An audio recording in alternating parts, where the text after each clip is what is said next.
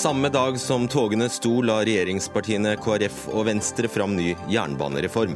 Gir privatiseringen færre signalfeil og togstans? BNP holder ikke, vi må måle brutto nasjonal lykke, sier Miljøpartiet De Grønne. Lykke for De Grønne er ikke nødvendigvis det samme som lykke for meg, svarer Høyres Nikolai Astrup. Og hvis britene melder seg ut av EU, får Norge mulighet til å kvitte seg med EØS, mener Senterpartiet. Snarere tvert imot, svarer Europabevegelsen.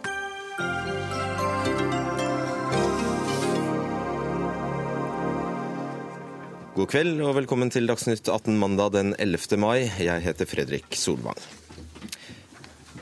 I morgentimene sto altså togtrafikken stille over hele landet. Årsak feil på det nye kommunikasjonssystemet. En app var feil. I ettermiddag inviterte så regjeringspartiene pluss KrF og Venstre til pressekonferanse på Oslo S for å fortelle at nå skal jernbanen inn på rett spor, som det heter. En jernbanereform er altså i emning. Og Ketil Solvik-Olsen, samferdselsminister. Ja, dagens togstans først til den. Vil denne jernbanereformen sørge for at det blir færre av slike? Det som vil ordne opp i eh, signalfeil, sporveksler og kjøreledninger som ikke virker, det er jo mer bevilgninger til vedlikehold og mer eh, langsiktig vedlikehold. Og Der har jo eh, Venstre, regjeringspartiene og KrF sørget for at vi nå for første gang på ja, ti år Ikke hvis feilen var en app, vel? Nei, men Det handler om systemene totalt sett. Og Vi vet altså at vedlikeholdsforfallet dobla seg under forrige regjering. Nå har vi allerede begynt å redusere det. Det er jo det som eh, mange reisende irriterer seg over jernbanen. At du kommer og stiller deg opp på stasjonen, så går ikke toget likevel fordi at enten det er noe feil med vognsettet eller det er noe feil med systemene til Jernbaneverket. Vi klarer ikke å garantere at ingen feil skal oppstå i framtida, men vi kan sørge for at det er bedre organisering, mer midler, mer langsiktighet i det en gjør. Og det er både budsjettsatsingen vi har hatt sammen, og det er jernbanereformen som vi nå framlegger. Ok. Abid Raja, nestleder i transport- og kommunikasjonskomiteen på Stortinget for Venstre. Hva er hovedgrepene her? Jeg må, jeg må bare si én setning om at Det er veldig mange passasjerer i Norge som er eh, veldig irriterte over hvor dårlig eh, jernbanen har fungert i Norge over tid. Både innstilte eh, tog som ikke går, eh, fullt stappfullt på togene. Og mange har vært enige om, eller nesten alle har vært enige om at noe må gjøres.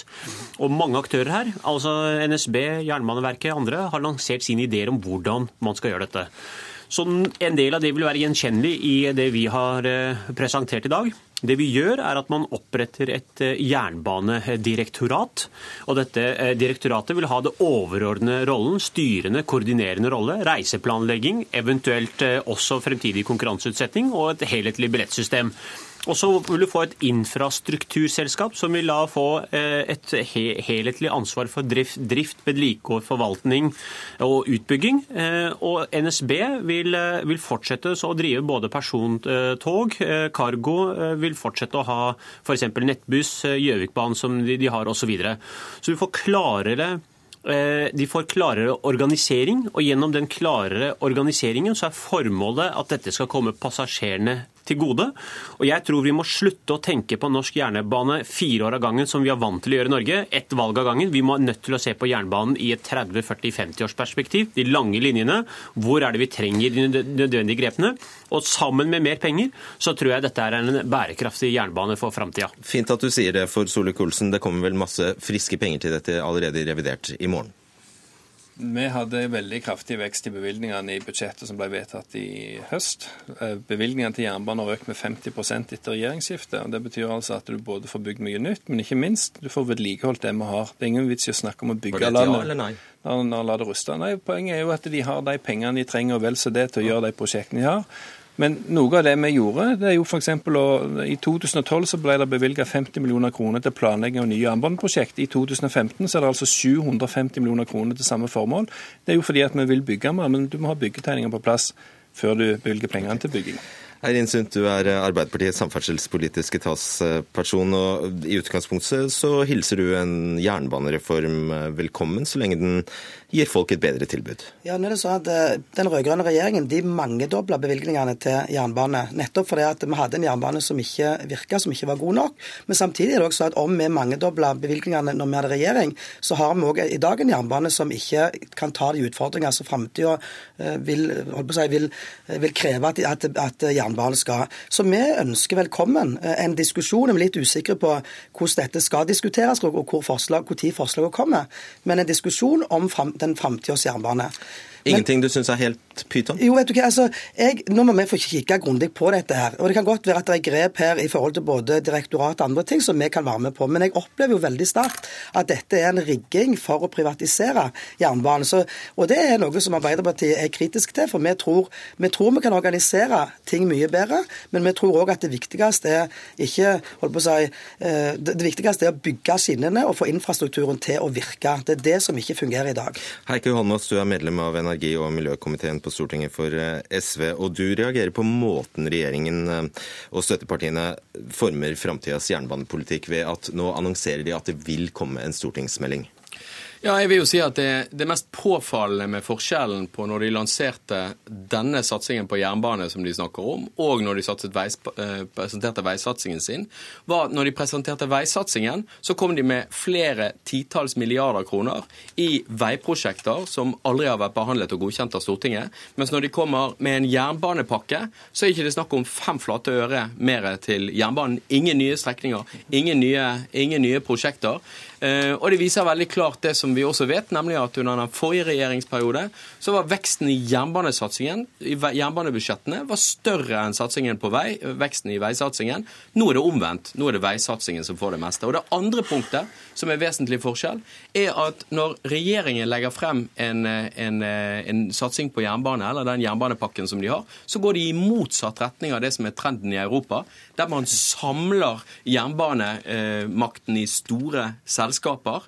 Det regjeringen gjør her, er det motsatte. De splitter opp, deler opp, konkurranseutsetter, akkurat sånn som både høyresiden har ønsket og vedtatt. Det er en veldig dårlig idé for en fremtidsrettet jernbane. Skal vi prøve å diskutere det vi faktisk har framlagt? Dette blir kritikk på autopilot. For det første, Jernbaneverkets budsjett siste året med rød-grønn regjering var 12 milliarder. Nå er det 18 milliarder. Det vitner om en kraftig satsing. Forfallet økte under den rød-grønne regjeringen. Det reduseres nå. Det er to fakta. Så gjelder det innholdet. Vi sier ikke vi skal privatisere jernbanen. Jeg vet at Ap og SV prøver å gi inntrykk av det, og noen i fagbevegelsen, men alle ser at vi sier at staten skal ansvar, staten skal investere mer, vi skal vedlikeholde mer. Men det som mange har påpekt, er at ansvaret vårt for å splitte opp mellom NSB og Jernbaneverket det, er flere selskap som eier på de samme stasjonsområdene. Det vi gjør, det er at vi sier at vi skal ha et jernbanedirektorat som får noen, eh, noe ansvar fra departementet, noe fra Jernbaneverket, for å ha en koordineringsansvar på norsk jernbane. Du må planlegge bruken, du må planlegge investeringer, for det er en veldig lite fleksibel infrastruktur. Så skal vi ha et infrastrukturselskap som skal vedlikeholde og drifte dette. Det skal være et statsforetak, ikke privatisering. Det er et statlig selskap. Og det er jo òg fordi at vi ser at hvis du skal utvikle Oslo eh, S, f.eks., jernbanestasjon. Så sitter Jernbaneverket og gjør litt, og så er det Rom Eiendom og NSB som har andre ting. Det betyr at vi har fryktelig mye folk som sitter og koordinerer hele veien. Nå kan du få ett organ, færre byråkrater, men som har gjennomføringsevne og handlekraft, for de har vedtaksmuligheter.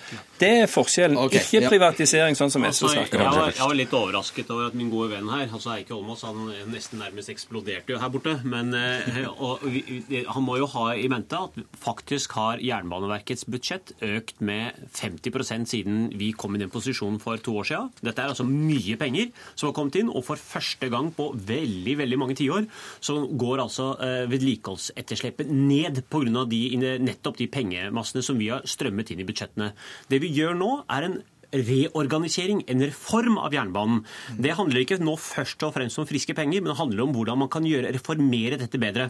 Og her, programleder, må vi, må vi huske alle aktørene har faktisk skreket om dette i årevis. Og her satt de rød-grønne faktisk med makta i åtte år i en flertallsregjering og gjorde ikke noe. Her liker jeg faktisk Eirin Sund sin tilnærming mye bedre. Hun sier vi er åpne for å lytte til dette. Mye av dette vil vi være for. Eh, og vi er for en omorganisering. Jeg tror det er en sunn tilnærming til dette enn det Heikki Holmås eh, inntar posisjon til nå. Okay, Holmås også, Konsekvensen av det dere sier Altså Hvis du skulle ta dere på alvor i det dere sier, så ville konsekvensen være det at du skulle samle makten over jernbanen ett sted.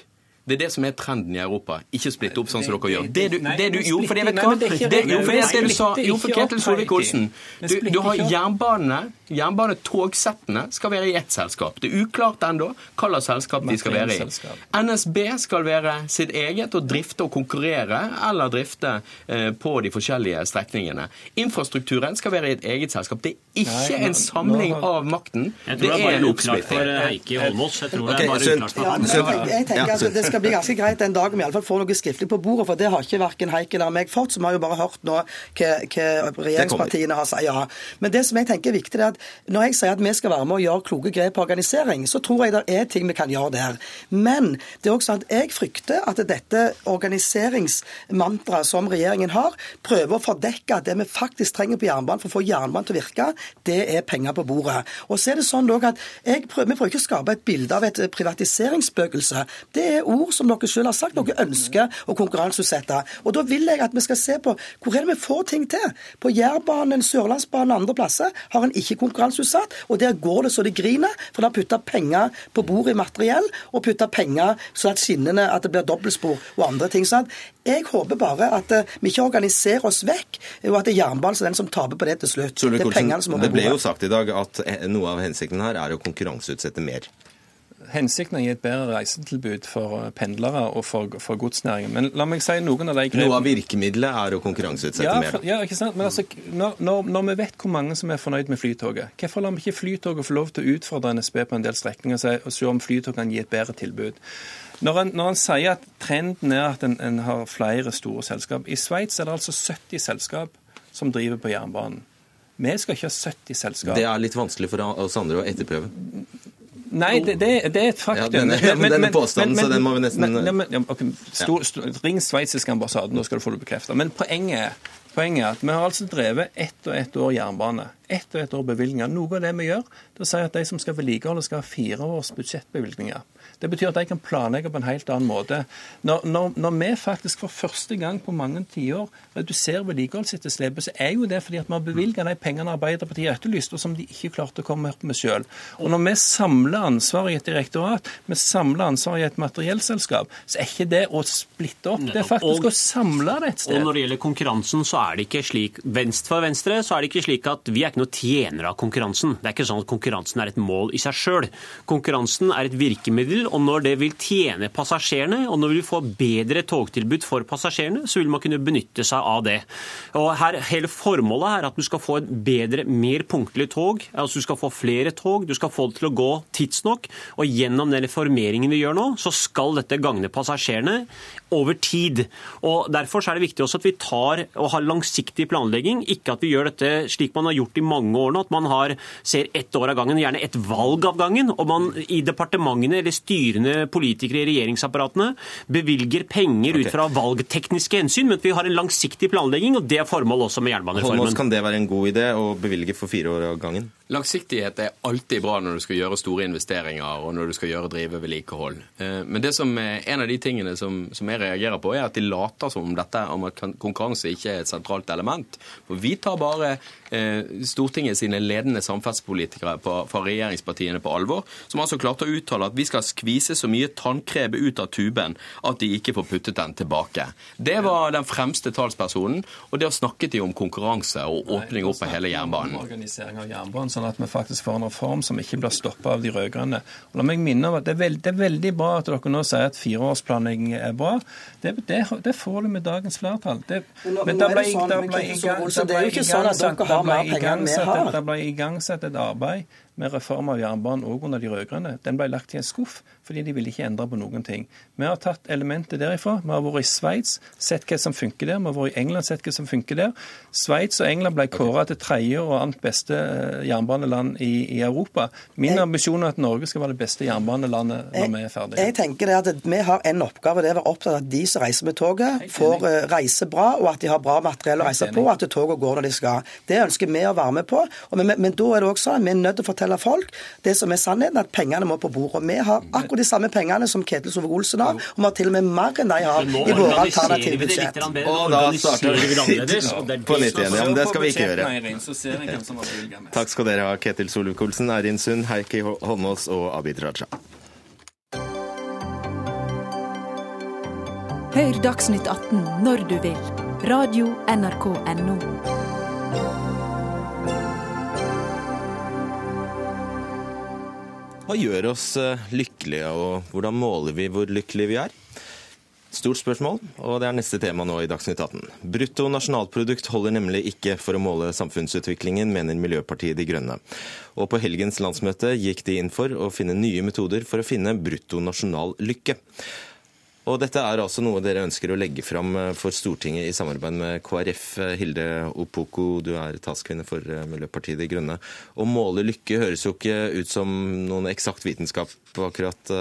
Hva konkret er det dere vil? For det første så kaller vi det bruttonasjonal eh, eh, Velstand, er det? Nå står jeg helt stille meg plutselig livskvalitet. livskvalitet. Og vi er opptatt av livskvalitet og, og forbruk. Og det som er Hovedpoenget vårt er jo at vi har hatt en enorm forbruksvekst i Norge. Eh, som på mange måter har vært vel og bra for eh, samfunnsutviklinga her. Men nå har vi kommet til et punkt hvor vi ser at dette her flater ut. Det er ikke lenger en sammenheng mellom forbruksvekst, økonomisk vekst og den opplevde livskvaliteten i befolkninga. Og særlig ser vi det blant eh, barn og unge. Statistikker viser at de stadig gjør det bedre på skolen, prester i idrett, oppfører seg bedre, de har mindre alkoholinntak og det er mindre vold. Eh, men det er en statistikk som går i feil retning, og det er hvordan de sjøl rapporterer sin egen psykiske helse. Og Vi opplever det som en sammenheng mellom eh, det samfunnet vi lever i, det samfunnspresset vi har i denne økonomiske spiralen vi står i, eh, og hvordan det er å være menneske oppi det hele. Og da, dere, da henter dere inspirasjon fra Bhutan, faktisk. Fjellandet Bhutan i Himalaya? De var jo de første ut eh, med veiledning fra en av våre inspiratorer. En av de som vi er inspirert av, eh, Sætereng, som bodde i Sør-Trøndelag. Eh, som veileda kongen av Bhutan til å finne indikatorer for, for lykke. Men dette her er jo ikke lenger en sånn sær ting. OECD har laga indikatorer på livskvalitet. Cameron i, i, England har gjort det samme. Allerede i 68 så snakka Robert Kennedy om at vi måtte nødt til å eh, ha andre måleenheter enn dem som var eh, på statistikkene til BNP, for å si hvordan det faktisk var å leve i Amerika. Så dette her er ikke noe radikalt som De Grønne har kommet på nå. Nikolai Astrup, stortingsrepresentant for uh, Høyre. Det er jo en kjent sak at eh, BNP mm, fanger absolutt ikke opp alle sider ved vår hjørne og land som mennesker her på jorda. Eh, kunne dette vært en god idé? Det er helt åpenbart at BNP forteller egentlig bare størrelsen på bruttonasjonalprodukt, ikke noe særlig mer enn det. Eh, og det forteller ikke så veldig mye om et samfunn er et godt samfunn å leve i eller ikke. Så det gjøres jo målinger allerede i dag på hva som gjør oss lykkelige. Vi vet mye om hva familie er viktig, nære relasjoner er viktig. Eh, og eh, jeg er ikke imot at man gjør mer forskning på dette, men det som ligger under eh, Miljøpartiet De Grønnes interesse for dette er jo at vi skal tjene mindre, vi skal, bli, vi skal, jobbe mindre, betydelig mindre. Vi skal ta ut all reallønnsvekst i form av økt fritid, hvis de får det som de vil. Og Det vil jo bety at vår evne til å bære det offentlige velferdssamfunnet, som jo er tuftet på nettopp vår arbeidsinnsats, vil bli mye mindre. Vår evne til å drive frem et grønt skifte eh, gjennom satsing på teknologi og andre ting vil bli mindre.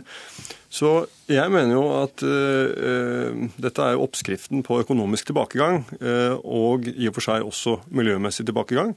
Uh, og jeg tror man kan si at selv om man kanskje ikke blir så veldig mye lykkeligere av en krone i lønnspålegg, så blir, du så blir du ikke nødvendigvis noe lykkeligere av å få vesentlig dårligere økonomi. Eh, ta en tur til Hellas og spør om de har blitt veldig mye lykkeligere etter finanskrisen. Jeg tror ikke svaret på det er ja.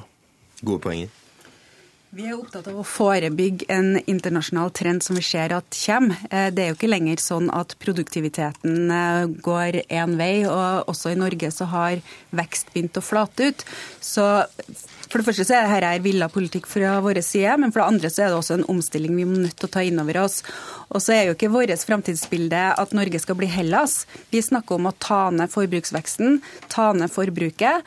Eh, og det betyr ikke at vi ikke skal ha økonomisk utvikling, at vi ikke skal ha teknologiutvikling. Hvordan skal du kunne stanse den snøballen hvis den først ruller av? Vi må jo fortsatt eh, ha en omstilling. Vi snakker jo om at vi må nødt til å investere i nye arbeidsplasser, investere i ny industri, la gründervirksomhet eh, vokse. Eh, men det er det herre enorme overforbruket som vi har i Norge, som vi vil til livs, som både er et hardkjør på natur og miljø, og ikke minst menneskene som lever i det samfunnet vi har.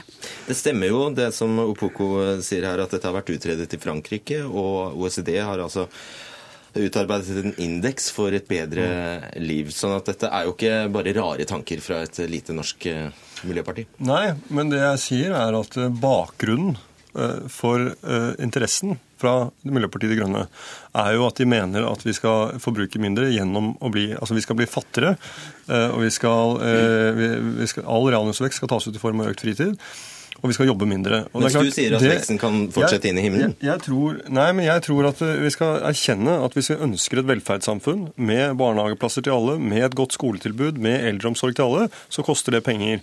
Noen må jobbe for å finansiere det. Og Hvis vi alle skal jobbe mindre, så blir vår evne til å finansiere de fellesgodene som vi alle setter pris på, vesentlig mindre. En årsak til at vi har kunnet utvikle det norske samfunnet slik, slik vi har, er jo det at vi har hatt en fantastisk innsats fra vi som bor her. Eh, og, eh, og det er vår arbeid, vårt arbeid, ikke olje og gass, som har finansiert den velferden. Så det å ta vare på, den, eh, det, på det, det tror jeg er viktig. Og så tror jeg heller ikke skal undervurdere at kanskje noen faktisk blir lykkelige av å jobbe mye også. Og at det kan være viktig for mange. Mens for andre så kan det kanskje være riktig å jobbe mindre. Men vi må i hvert fall ha et samfunn der vi klarer å bære disse fellesoppgavene på en god måte. Og det vil vi ikke få med det 40 milliarder i skatteøkninger og jobbe mindre. Da blir det ikke mye gründer og grønne bedrifter av det. Det blir eh, økonomisk ruin, dessverre. Mm. Eh, og Derfor så er Miljøpartiet De Grønnes politikk et luftslott på dette området. Det er et skremselsbilde som skapes her. Vi er selvfølgelig også veldig opptatt av velferdsstaten og at vi skal videreføre den. Men i motsetning til flere andre partier så syns vi at institusjonalisering av livene våre har gått for langt. Altså, vi, har kost, vi, har en veldig kostbar velferdsstat. Og med å redusere arbeidstid f.eks. så frigjør vi også mange ressurser som i dag er bundet opp til, eller bundet opp over skatteseddelen til å betales for. Og ta vare på ungene våre, ta vare på de eldre, som vi kanskje kan i større grad være med på å bidra med sjøl. Men det er jo, Du sier at dere setter pris på velferdsstaten, men det er jo altså en, velferds, en velferd som har gjort oss til verdens beste land å bo i, ifølge FN. og det handler jo om såpass myke ting som at uh, man er frisk og at man lever lengre, at man er kunnskapsfull, at man har en ikke nødvendigvis en rent materielt høy levestandard. Det er vi enig i. Men som jeg sier, så er det også mye som tyder på, vi har symptomer som tyder på at vi går i feil retning når det kommer til bl.a. folkehelse innenfor mental helse. Og Da tenker vi at vi må nødt til å begynne å gjøre noen ting med de pressfaktorene på oss menneskene.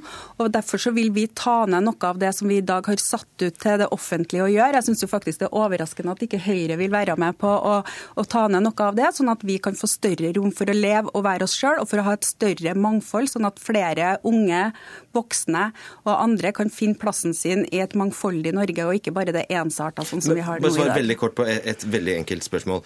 Mens Høyre da snakker om å bake kaka større, så vil du at kaka skal bli mindre. Ja, og jeg syns det er veldig feil når Astrup sier at eh, vi skal bli fattigere. Vi er såpass rike i Norge her at vi kan fortsatt være rike om vi tar ned noe av veksten vår.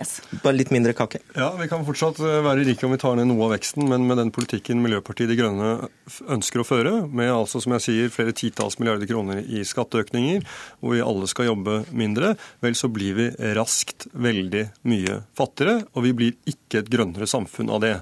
Eh, rett og slett fordi den teknologiske omstillingen vi står overfor nå, for å få til et grønt skifte, den koster penger. Der kan staten bidra fordi vi har god råd. Eh, så den politikken De Grønne ønsker å føre, den er ikke spesielt grønn. Det holder ikke å ha De Grønne i partinavnet for å være et miljøvennlig parti. Nå har vi dobla veksten siden 90-tallet, eh, fram til 2030, sånn som Arbeiderpartiregjeringa til Brundtland sa at vi skulle gjøre. 15 år før tida. Og så vil regjeringa doble tre ganger mer. Det, det er et råkjør på naturressursene. Si hun forutsetter her at dette skal tas ut i form av økte materielle goder til hver og en av oss. Dette handler jo om vårt forbruk også av offentlige velferdstjenester, som jeg tror vi alle setter pris på. Nettopp eh, å gjøre noe med barne- og ungdomspsykiatrien. Eh, det koster penger. Det skal vi gjøre. Men da må vi altså jobbe. Kanskje er det sånn at de som sier man ikke blir lykkelig av å shoppe, bare har vært i feil butikk. Takk skal dere ha. Nikolai Astrup og Hilde Opoku. Og vi skal fortsette å snakke om eh, Miljøpartiet De Grønne, men ikke med dem til stede. For det er slik at to av våre kommentatorer her har vært på landsmøtet til Miljøpartiet De Grønne i helgen. Og Martine Aurdal, du er leder for samfunnsavdelingen i Dagbladet. Ja, Du har jo nå fulgt dem på nært eh, hold i løpet av en helg. og eh, Du sier de er annerledes, og at de er et annerledes parti. Er de lykkeligere enn oss andre òg? ja, det er et godt spørsmål. De, er, de virka veldig glad og fornøyd, altså, men jeg vet ikke om, eh, om de er lykkeligere hvis man sammenligner med de andre partiene. Så har de det ganske gøy på landsmøtet, de òg, altså. De har det, ja. Bra. Thomas Bo Hornborg, eh, politisk kommentator i eh, Aftenposten. Du skriver i en kommentar i dag at det er lett å smile av partiet. Hvorfor det? Det er jo et parti som har vært med oss lenge, i 27 år, men som er definitivt lykkeligere enn andre partier fordi de nå endelig har fått et slags gjennombrudd. Men det er et parti som ikke er som alle andre. Det ble illustrert godt på, på, landsmøtet. Du må si fra hvis du skal ha noe annet enn vegan eller vegetarmat. Du, de øvde på avstemning på fredag fordi det var så mange i salen som var der for første gang. og Det var ikke lov til å klappe under den politiske debatten, for da kunne man støte de som ikke fortjente klapp. Det er eh, sjarmerende eh, og annerledes. Um, så blir jo det store spørsmålet om hvor lenge denne framgangen kan vare. Uh, og du sier at partiet etter hvert kan punktere. Hvorfor tror du det? Altså, Veldig mye har gått Miljøpartiet De Grønnes vei de siste årene, men veldig mye gjenstår også. De skal holde på velgerne de nå har skaffet seg. Det er mange unge velgere som lett forsvinner. De skal bygge opp en organisasjon. Det var nesten et helt nytt parti som holdt landsmøte i helgen. Veldig mange nye. Eh, og det gjenstår å utvikle politikk både på områder som ikke er miljø, på kunnskap og helse, men også innenfor miljø- og klimaområdet så gjenstår det store ubesvarte spørsmål. Og de eh, må konkretisere politikken uten å skalle av mm. de ulike fløyene i partiet. Så veldig mye gjenstår. En sånn konkretisering er jo nettopp det vi snakker om her. At de har et nokså radikalt forslag, egentlig, om, eller de har et radikalt program som går ut på lavere forbruksvekst. Tror du, Martine Aurdal, at folk er klar over hvor radikale de faktisk er? Og du kaller dem jo faktisk også revolusjonære? Jeg tror at veldig mange av dem som har stemt på Miljøpartiet De Grønne og fått Rasmus Hansson inn på Stortinget, ikke eh, kjenner i veldig stor grad til denne delen av politikken, som er så eh, radikal at den utfordrer selve grunnprinsippene i vårt økonomiske system.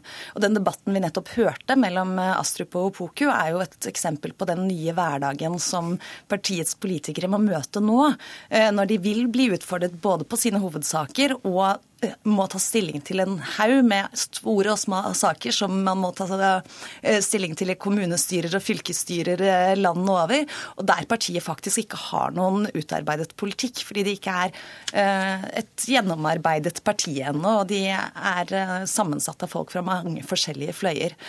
Og da vil de møte tøffe motargumenter fra dyktige, profesjonelle politikere som slett ikke trenger å øve på hvordan de snakker i en eh, mikrofon.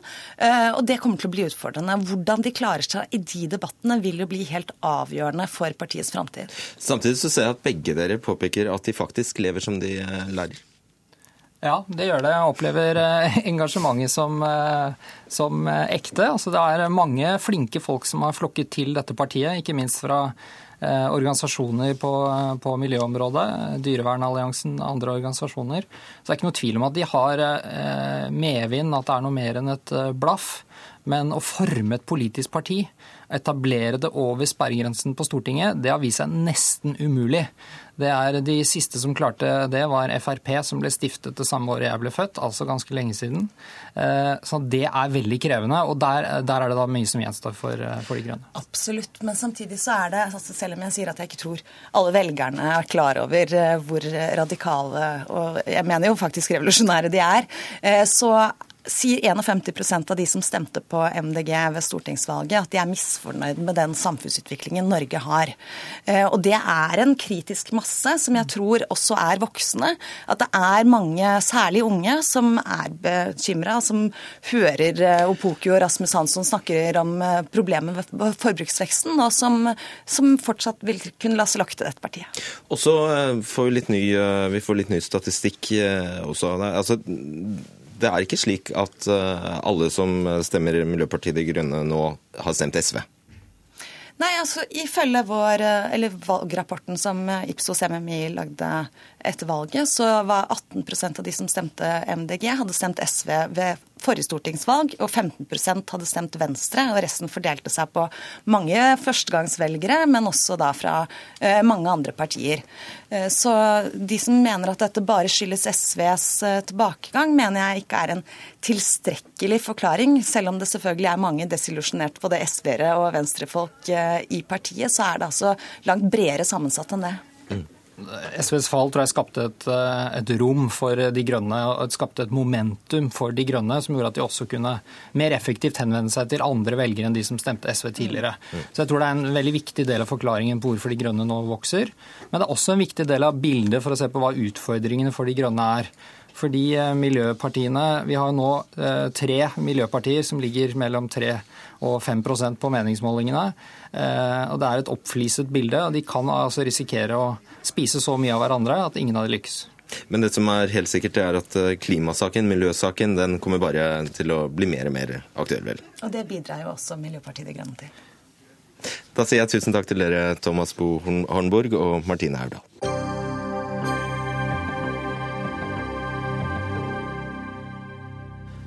Resultatet av valget i Storbritannia blåser nytt liv i EU-debatten både her og der. Statsminister David Cameron har jo lovet ny folkeavstemning om EU innen 2017. Eh, og Espen Aas, Storbritannia-korrespondent. EU har vært et viktig tema i denne valgkampen, men ikke direkte så indirekte. Ja, Den la jo mange av rammene rett og slett for eh, denne valgkampen. Både sa David Cameron klart fra under valgkampen, han han kom ikke til å være del av noen regjering som ikke kom til å eh, avholde en folkeavstemning om fortsatt EU-medlemskap. Eh, e Samtidig som vi jo har hatt dette partiet på ytterste høyre fløy, UKIP, som har som sin fremste sak å få landet ut av EU, som har skumlet i bakgrunnen. Mens eh, næringsliv har gått litt på tærne og håpet at ikke det ble så mye snakk om EU, eh, e mens både Labour og liberaldemokratene jo er, eh, er sorne EU-tilhengere. Og så har Cameron altså lovet en EU-folkeavstemning. E Hvorfor er det så viktig? Det er viktig særlig innad i hans eget parti, hvor det er mange som har hatet hver eneste dag nærmest som Storbritannia har vært medlem av EU, særlig de siste 20-30 årene. Så det har vært en intern strid som stadig Eh, skaper eh, gnisninger. Men så er altså folk, briter, luta lei av EU. Det handler mye om eh, den innvandringen det fører med seg, nå særlig de siste årene fra Øst-Europa. Men også en økt irritasjon over at Brussel skal bestemme hvor mange watt det skal være i støvsugerne, når man skal måtte ha på lys på bilen eller ikke, osv. Det er stadig nye små vedtak fra, fra EU som irriterer stort. Og sett med politiske øyne, så selv om ikke det er EU som sådan nødvendighet, men handler om menneskerettsdomstolen i Strasbourg, som har vært en annen sak som kommer tilbake, hvor britene mener hvorfor kan ikke vi bestemme hvorvidt f.eks. fengslede skal få lov til å stemme ved valg eh, eller ikke. Så det handler om å få litt uh, følelsen av å styre seg selv uh, tilbake igjen. Noe som jo britene historisk sett jo er glad i. Ja, og britene som ikke engang er medlem av Schengen-samarbeidet eller euroen. Nå skal de altså reforhandle en avtale med EU før en folkeavstemning. og Hvilke er de viktigste kravene Eh, Cameron da må eh, presentere for EU? Ja, det er denne, Få slutt på denne eh, sentraliseringen av, av, makten. Han vil ha makten tilbake til Westminster, det er en av, av, hovedsakene. Og at det er for mange småting som EU e henger seg opp i, som handler om hvordan land skal gjøre og, og ikke gjøre. Og det er riktig som du sier at verken som Schengen-medlem eller medlem av eurosamarbeidet, så er jo Storbritannia en slags yttergrense sammenlignet med mange andre land, men likevel er irritasjonen her størst.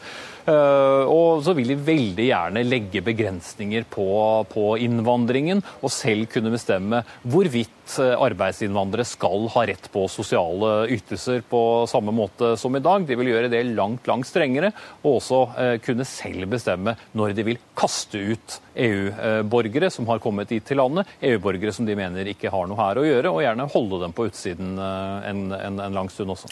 Visse paralleller til hjemlig debatt her, altså. Takk skal du ha, Espen Aas.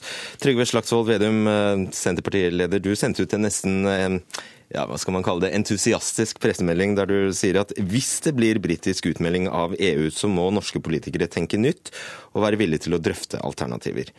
Hvilke alternativer da? Det er jo at vi har en EØS-avtale i dag som er altfor omfattende, altfor detaljregulerende. Akkurat som det britiske politikere reagerer på at Brussel blander seg i mange småting, så gjør dagens EØS-avtale det samme.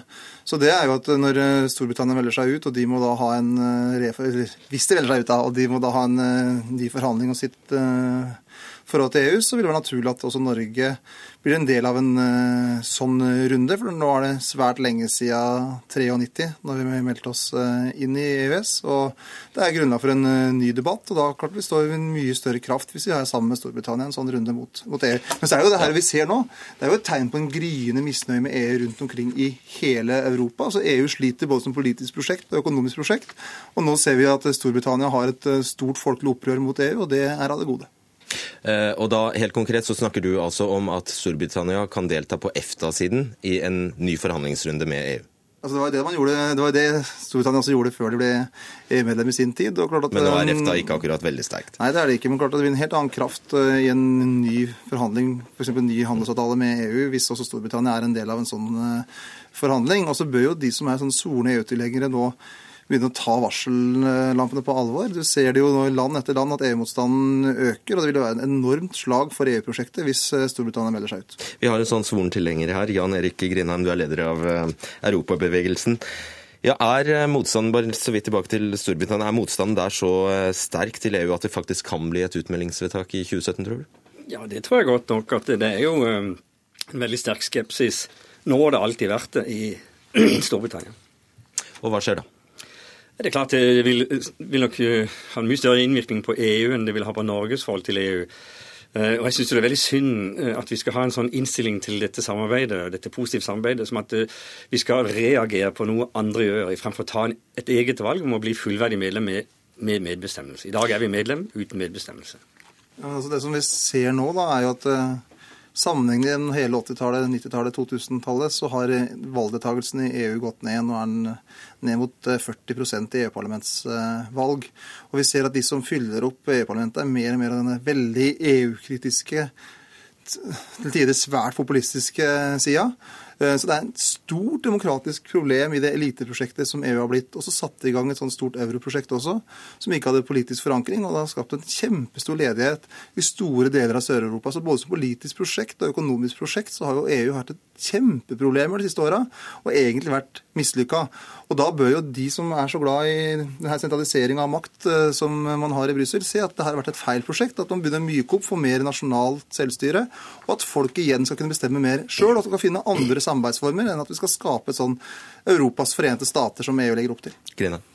Altså, Det er jo ikke et så sentralisert eh, prosjekt som det du vil ha. Det er jo mange som ser på EU som en føderasjon à la USA deriblant meg selv, da, som forsker på dette området. Og, og, det er klart at det er jo ikke noe sånn in one size fits all vi ser i EU. Det er klart det er en irritasjon. Jeg irriterer meg selv over det, at detaljer skal reguleres. Men, men, det er jo ikke slik at EU er blitt noen superstat over medlemsstaten eller over regioner og kommuner. Det er et føderalt system hvor makten like stor grad kommer nedenfra. Men dersom Storbritannia faktisk velger å gå ut eh, av EU, betyr det da begynnelsen på slutten av eh, planen om en eh, en fullverdig, eh, altså en politisk og økonomisk europeisk union? Det tror jeg ikke, men jeg synes det er viktig det ordet du bruker, fullverdig. For det er klart at de andre landene ønsker britene med. Også, det som er litt interessant, da, jeg var i det britiske parlamentet før jul og hadde møter også med representanter fra Labour. og I Labour er det en økende EU-motstand, og flere av de eh, parlamentsmedlem som har kommet med tiden fra Labour, er også EU-motstandere.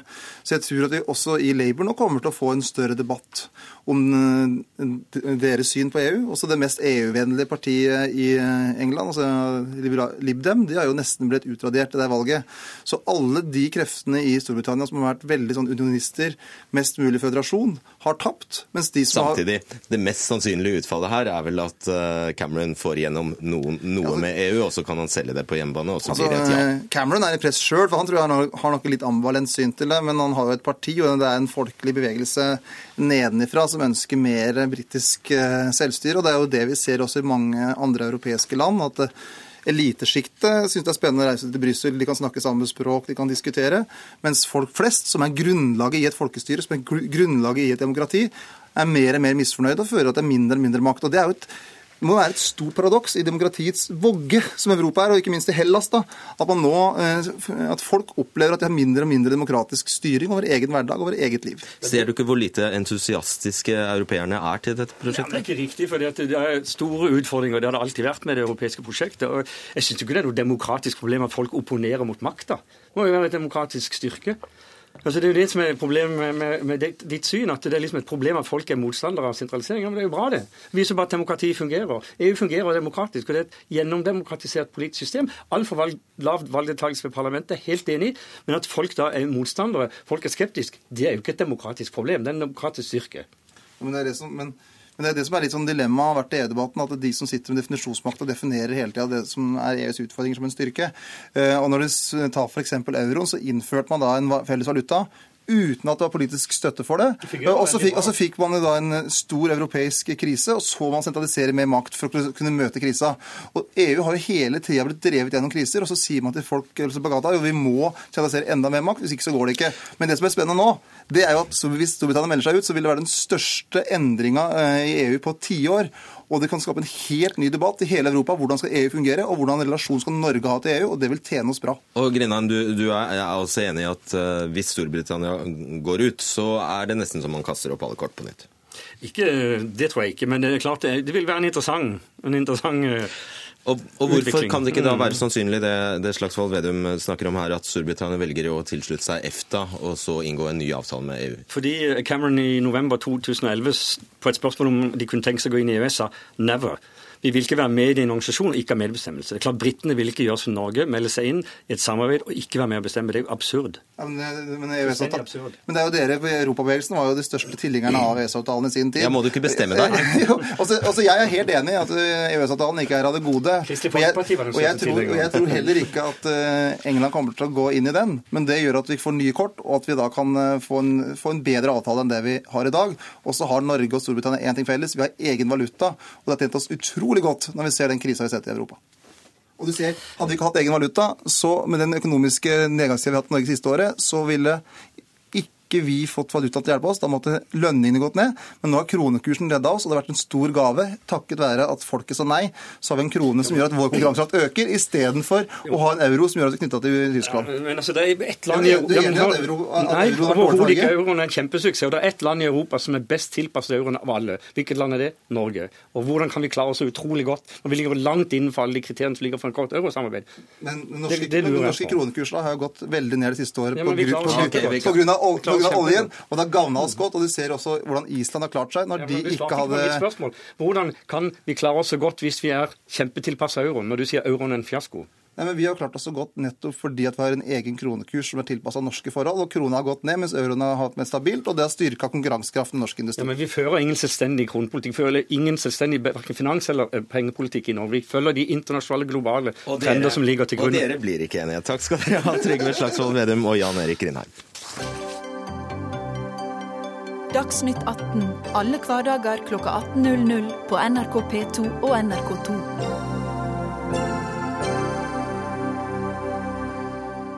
Fire tidligere statsråder fra SV og Senterpartiet går i dag ut i Dagsavisen og krever mer åpenhet fra regjeringen om forhandlingene om en ny frihandelsavtale, TISA-avtalen.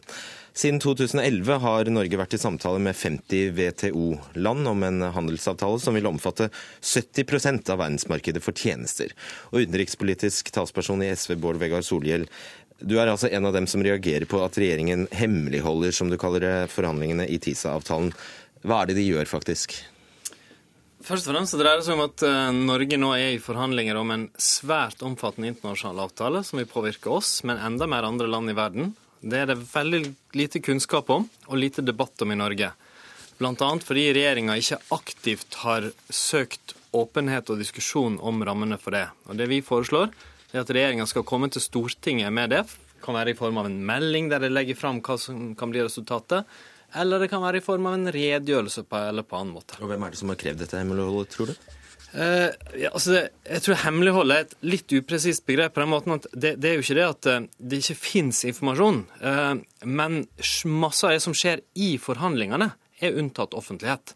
Presisere, det hva Norge hadde som sitt åpningstilbud, altså hva vi først begynte med, det er åpent. Men hvor ting står nå, det vet vi først og fremst gjennom Wikileaks og lekkasjer. Og Det vil jo være veldig smart av regjeringen å gå ut med hvert eneste forhandlings... Være, eller trinn i forhandlingene. Da. Det ville være veldig urimelig av regjeringen å si hva alles posisjon er. Men det ville være virkelig ille eh, hvis det skulle bli sånn at vi bare vet hva startpunktet var, og så plutselig kommer vi til en forhandling der alle må flytte seg et stykke unna, og så har vi ikke hørt noe om det. Og, og det som er overraskende for meg, er at i EU-debatten som vi nettopp har hørt på her, så sier jo regjeringa hele tida at vi må være tidlig ute hvis vi skal ha innflytelse. Det må være på forhånd. Fordi når det først avtalen er lagd, så klarer ikke vi å få flytta den. Det samme gjelder naturligvis her. Vi må ha debatten på forhånd, ikke etterpå. Da er vi låst. Og så må vi snakke litt etterpå om hva dette faktisk er for en avtale. Det er en god Morten, idé. Ja. Morten Høglund, statssekretær i Utenriksdepartementet for Fremskrittspartiet. Uh, ja, hvorfor, altså, hva reagerer du på når det gjelder denne kritikken om hemmelighold? Ja, Først og fremst, Dette er jo en tjenesteavtale, eh, som det er riktig påpekt, mellom 51 land. Og Jeg deler veldig mye av det Bård Vegar Solhjell her tar opp. Behovet for debatt, eh, behovet for åpenhet, behovet for informasjon. Eh, og Det er jo en av grunnene til at denne regjeringen, som vel den første, legger frem en stortingsmelding om globalisering og handel nå før sommeren. Hvor vi ønsker en bred debatt om handelspolitikk, utfordringer, muligheter som ligger der. Vi har også søkt kontinuerlig å legge ut så mye informasjon som mulig på regjeringen.no. Ehm, vi har vært i forkant, vi har levert vårt åpningstilbud så fort vi hadde eh, levert det. Vi har levert eh, ulike posisjoner. Og så er det, som også har vært inne på, en utfordring å levere andre parters forhandlingsposisjoner. Ja, for Det er det du indirekte ville ha gjort da, ved å Men, avsløre egen posisjon? vil jeg si det, at Dette ble startet i, i 2013, og det var regjeringen uh, som uh, Solhjell var en del av, som uh, valgte å gå inn i dette prosjektet. Det. Så, som vi syns var en fornuftig tanke. Vi arvet det, vi tok det videre. Vi er i prosess, men det er ikke kommet veldig langt. Det er jo helt naturlig for en mindretallsregjering å søke råd og hos Stortinget når man kommer til vanskelige avveininger. Det vil vi også gjøre. Det er selvklart ikke, Vi er ikke der. Okay. Det er ikke vår hensikt å holde dette lukket og unntatt for et flertall på Stortinget. På ingen måte. Ok, og Solhjell, Hvis dette var en avtale du uh, i utgangspunktet tenkte var uh, tipp topp, så hadde du kanskje ikke reagert? Nei, altså jeg er kritisk til deler av det som forhandles med. Men altså, eh, at det begynte, er nå så sin sak. Det begynte sommeren 2013, noen måneder før vi gikk ut. Det har kommet et stykke videre nå. Men hvis jeg får prøve å illustrere problemet F.eks. har den norske regjeringa en helt OK posisjon på at ingen offentlige tjenester skal berøres. Men vi vet at en god del andre land har motsatte posisjoner. De vil gjerne at offentlige tjenester som helse og utdanning skal inn i det her, sånn at det blir en del av et marked. Så er det jo det med forhandlinger at resultatet fort blir et sted mellom. Da er vi nødt til å vite hva vi går inn i, ikke bare vite norske utgangsposisjoner. Eller et annet, Det innføres noen nye prinsipper i de forhandlingene her, som vi ser nå ligger på bordet. Blant annet det at du kan, Hvis du først har sagt eh, at en tjeneste er liberalisert, hvis du har gjort den som en del av markedet, så kan du ikke ta den tilbake igjen. Eh, og det at vi først diskuterer om vi kan akseptere et sånt prinsipp, før vi går inn i en avtale med 50 andre land om det, det er ekstremt viktig. Og så, er det jo en prinsipiell side ved det. Istedenfor at nå vi forhandler med alle WTO-landene, så forhandler vi med en del. Og det er jo imot de prinsippene som faktisk både dagens regjering og den forrige den regjeringen, Jo, men det var jo altså da et, et premiss som den forrige regjeringen Det er helt riktig, ja. men desto viktigere at vi får en bred debatt om det i Stortinget. Mm. Solhjell refererer helt riktig til at vårt utgangspunkt for forhandlingene er at offentlige tjenester som helse og utdanning, skal ikke være en del av dette. Hvis vi opplevde at det var truet, så var jo det første vi ville gjøre, var å komme til Stortinget og søke råd. Ja, det, det, er på litt, ingen fordi Han stoler jo ikke på deg. Han tenker at du bare er ute etter å privatisere. så du kan... Nei, altså det er, ikke, det er ikke det jeg hører. Jeg, jeg, opplever at det er behov for å diskutere og, og trekke opp rammene for dette. Og vi vil på, selvfølgelig på Stortingets oppfordring dele informasjon. Eh, og Det er eh, en regjerings oppgave i forhold til slike handelsforhandlinger å komme til Stortinget når det er noe å melde. Det har tidligere regjeringer gjort, det vil denne regjeringen gjøre. Vi følger her helt vanlig praksis, og det er jo ikke på noen måte slik at vi eh, ønsker å lage noe som så dette må godkjennes til slutt av Stortinget. Ja, Stortinget det er jo Stortinget skal, skal vedta det. Det, det er helt riktig. Men hele poenget er at når, hvis 50 land har inngått en avtale, og lille Norge får den etterpå, så vil det være sjanseløst å forandre noe. Da er det take it or leave it. Og så må jeg jo si at egentlig er noe av problemet det Høglund er inne på. altså det er jo ikke beroligende for alle i Norge at Fremskrittspartiet sier det her er greit, vi det fikser det. det, nei, men det er politiske forskjeller i Norge. Derfor må en regjering gå med til Stortinget, sjøl om det ikke er et problem i forhold til FrPs program. Det er kanskje ikke tid til å gå inn på det, men måten det fremstilles på, hvordan forhandlingene foregår, denne liberaliseringen og hvordan det skjer, det er ikke helt riktig. Avtalen handler først og fremst om å ikke diskriminere ved eh, tjenesteproduksjon mellom eh, nasjonalitet. Og det går ikke i forhold til konkurranseutsetting, privatisering. Har ingenting med denne avtalen å gjøre. Det handler om å sikre norsk verdiskapning, sikre norske arbeidsplasser. Norge er langt fremme på salg av tjenester innen skipsfart, energi, telekom osv. Det at vi kan få tilgang til andre lands markeder, slik de stort sett har til våre markeder, det er det det handler om. Det handler om å sikre norske grunnleggende interesser, som den forrige regjeringen helt riktig så det var store muligheter for, og som vi forsøker å ivareta etter beste beste evne. For norsk privat tjenesteyting kan det ligge store fordeler i en sånn avtale, fordi vi allerede har liberalisert på mange områder der, mens en del andre land ikke har det. Men hvis vi samtidig åpner opp for en massiv privatisering eller konkurranseutsetting av norske offentlige tjenester, eller deler av dem, eller åpner for prinsipper om at hvis én regjering liberaliserer, så kan en annen en aldri ta det tilbake igjen, da har vi tapt mer enn vi vinner. Og Det er de diskusjonene vi må ha. Så vet jeg at mange i regjeringa, selv om det nok mye av det her vil være helt OK for Frp, så vet jeg at det ikke står i de offisielle mandatene. Men vi vet òg at veldig mange land og krefter presser på mot det. Derfor er det ikke godt nok å si vi får vente til det er ferdig, eller får vente til det virkelig skjer noe her som sånn som Frp og Høyre ser det. Man må aktivt søke debatt i det norske samfunnet, komme til Stortinget med saker om det. Det er det vi etterspør. Ok, Høglen, Hva er timeplanen her? Ja, timeplanen er at det er forhandlinger eh, regelmessig, og at man i nå i løpet av sommeren skal eh, gjøre opp status og se hvor man står. Og at vi forventer at i løpet av høsten at man kommer inn på de mer spissede områder. Og vi vil selvfølgelig kontinuerlig komme til Stortinget med informasjon om prosessen i forhandlingene.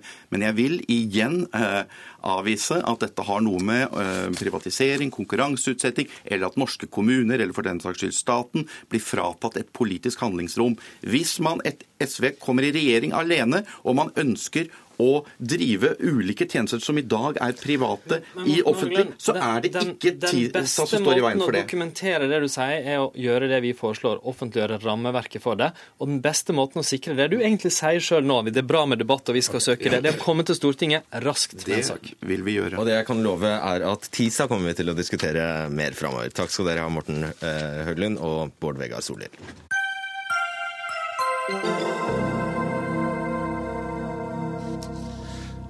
For eh, tyskerjentene ble frigjøringsdagene starten på en livslang straff uten lov og dom. 70 år senere vil staten fortsatt holde det hemmelig. Det hevder du, Lena Kristin Kalle. Du er eh, filmskaper og jobber med en dokumentarfilm om statens overgrep eh, mot tyskerjenter. Og I en kronikk i, på NRK Ytring så skriver du at du i sju år har søkt innsyn i dokumenter om disse tyskerjentene uten hell. Ja, det stemmer.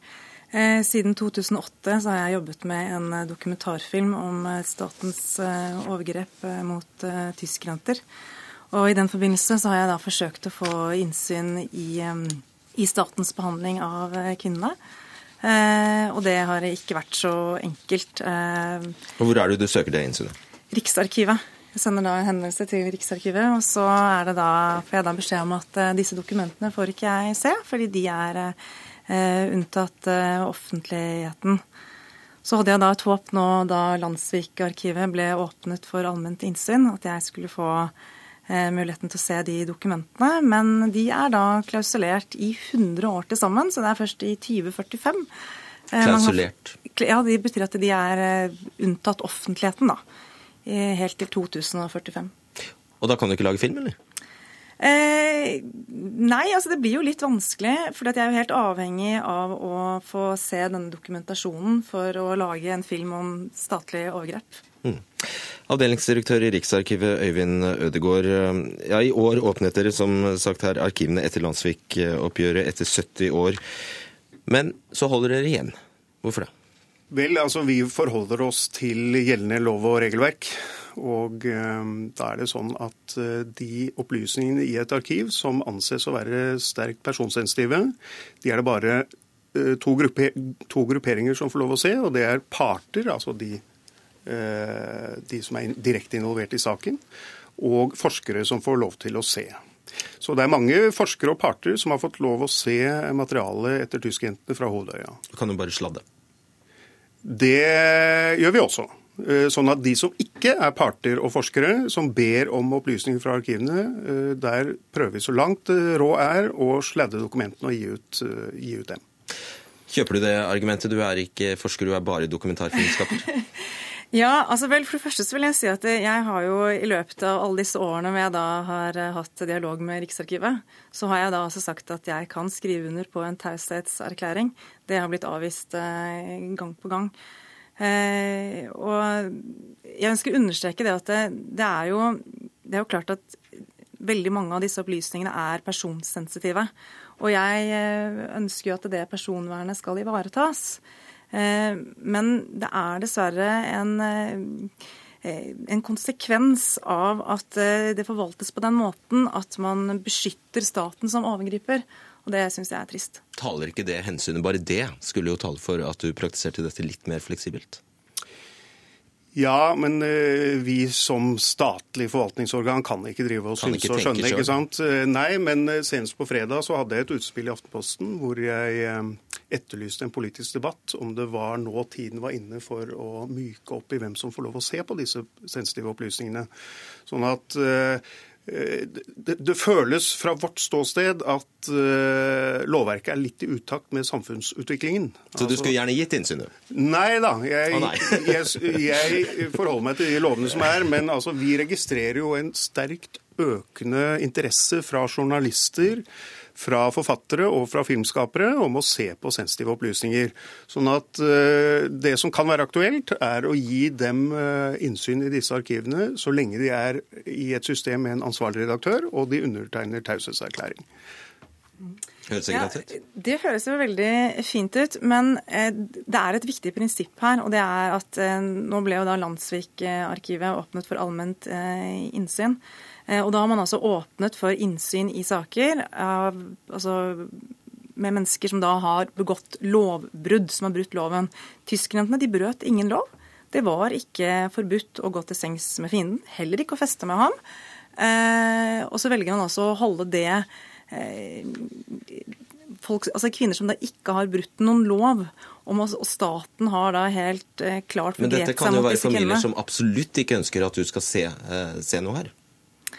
Ja, og det, det, det holder jeg også åpent for. Eh, men jeg etterlyser at Riksarkivet kan etterstrebe å forvalte denne dokumentasjonen på en måte hvor man enten sladder eller på annen måte anonymiserer, slik at vi får vite hva som faktisk skjedde. Altså hvordan skjedde det, hvor utbredt var disse overgrepene? Og få da en åpen debatt om dette vanskelige temaet og ta et oppgjør. Ja, Ødegaard, Det er ikke bare latskap da, som har gjort at dere ikke gidder å sladde? Nei, slett ikke. Og heldigvis så er det sånn at uh, Forskerne eh, er interessert i tematikken. så Senest for to uker siden så en fremtredende norsk professor, Knut Pappendorf, ga ut en bok som heter 'Siktet som tyskertøs', som nettopp tar for seg Hovedøyarkivet og perspektivet gjorde staten et overgrep mot denne forsvarsløse gruppen, og hans konklusjon er i bunn og grunn ja. Så eh, den, eh, De som ønsker å eh, vite mer om hva skjedde med tyskerdøsene, anbefaler å lese den boken. Så får de i hvert fall hans versjon av de overgrepene han mener. Skulle gjerne hatt det i film òg. ja, absolutt. Men jeg har lyst til å skyte inn en ting. for Det høres så veldig sånn fint ut når man sier at ja, forskere de har innsyn. Men det er faktisk sånn at det er ikke så mange år siden en mastergradsstudent som skulle skrive om statens interneringseier på Hovedøya, ble nektet innsyn som forsker.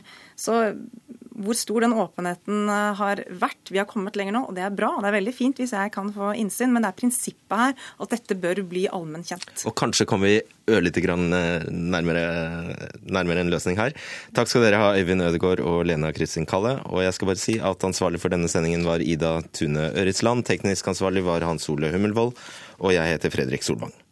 Thank you.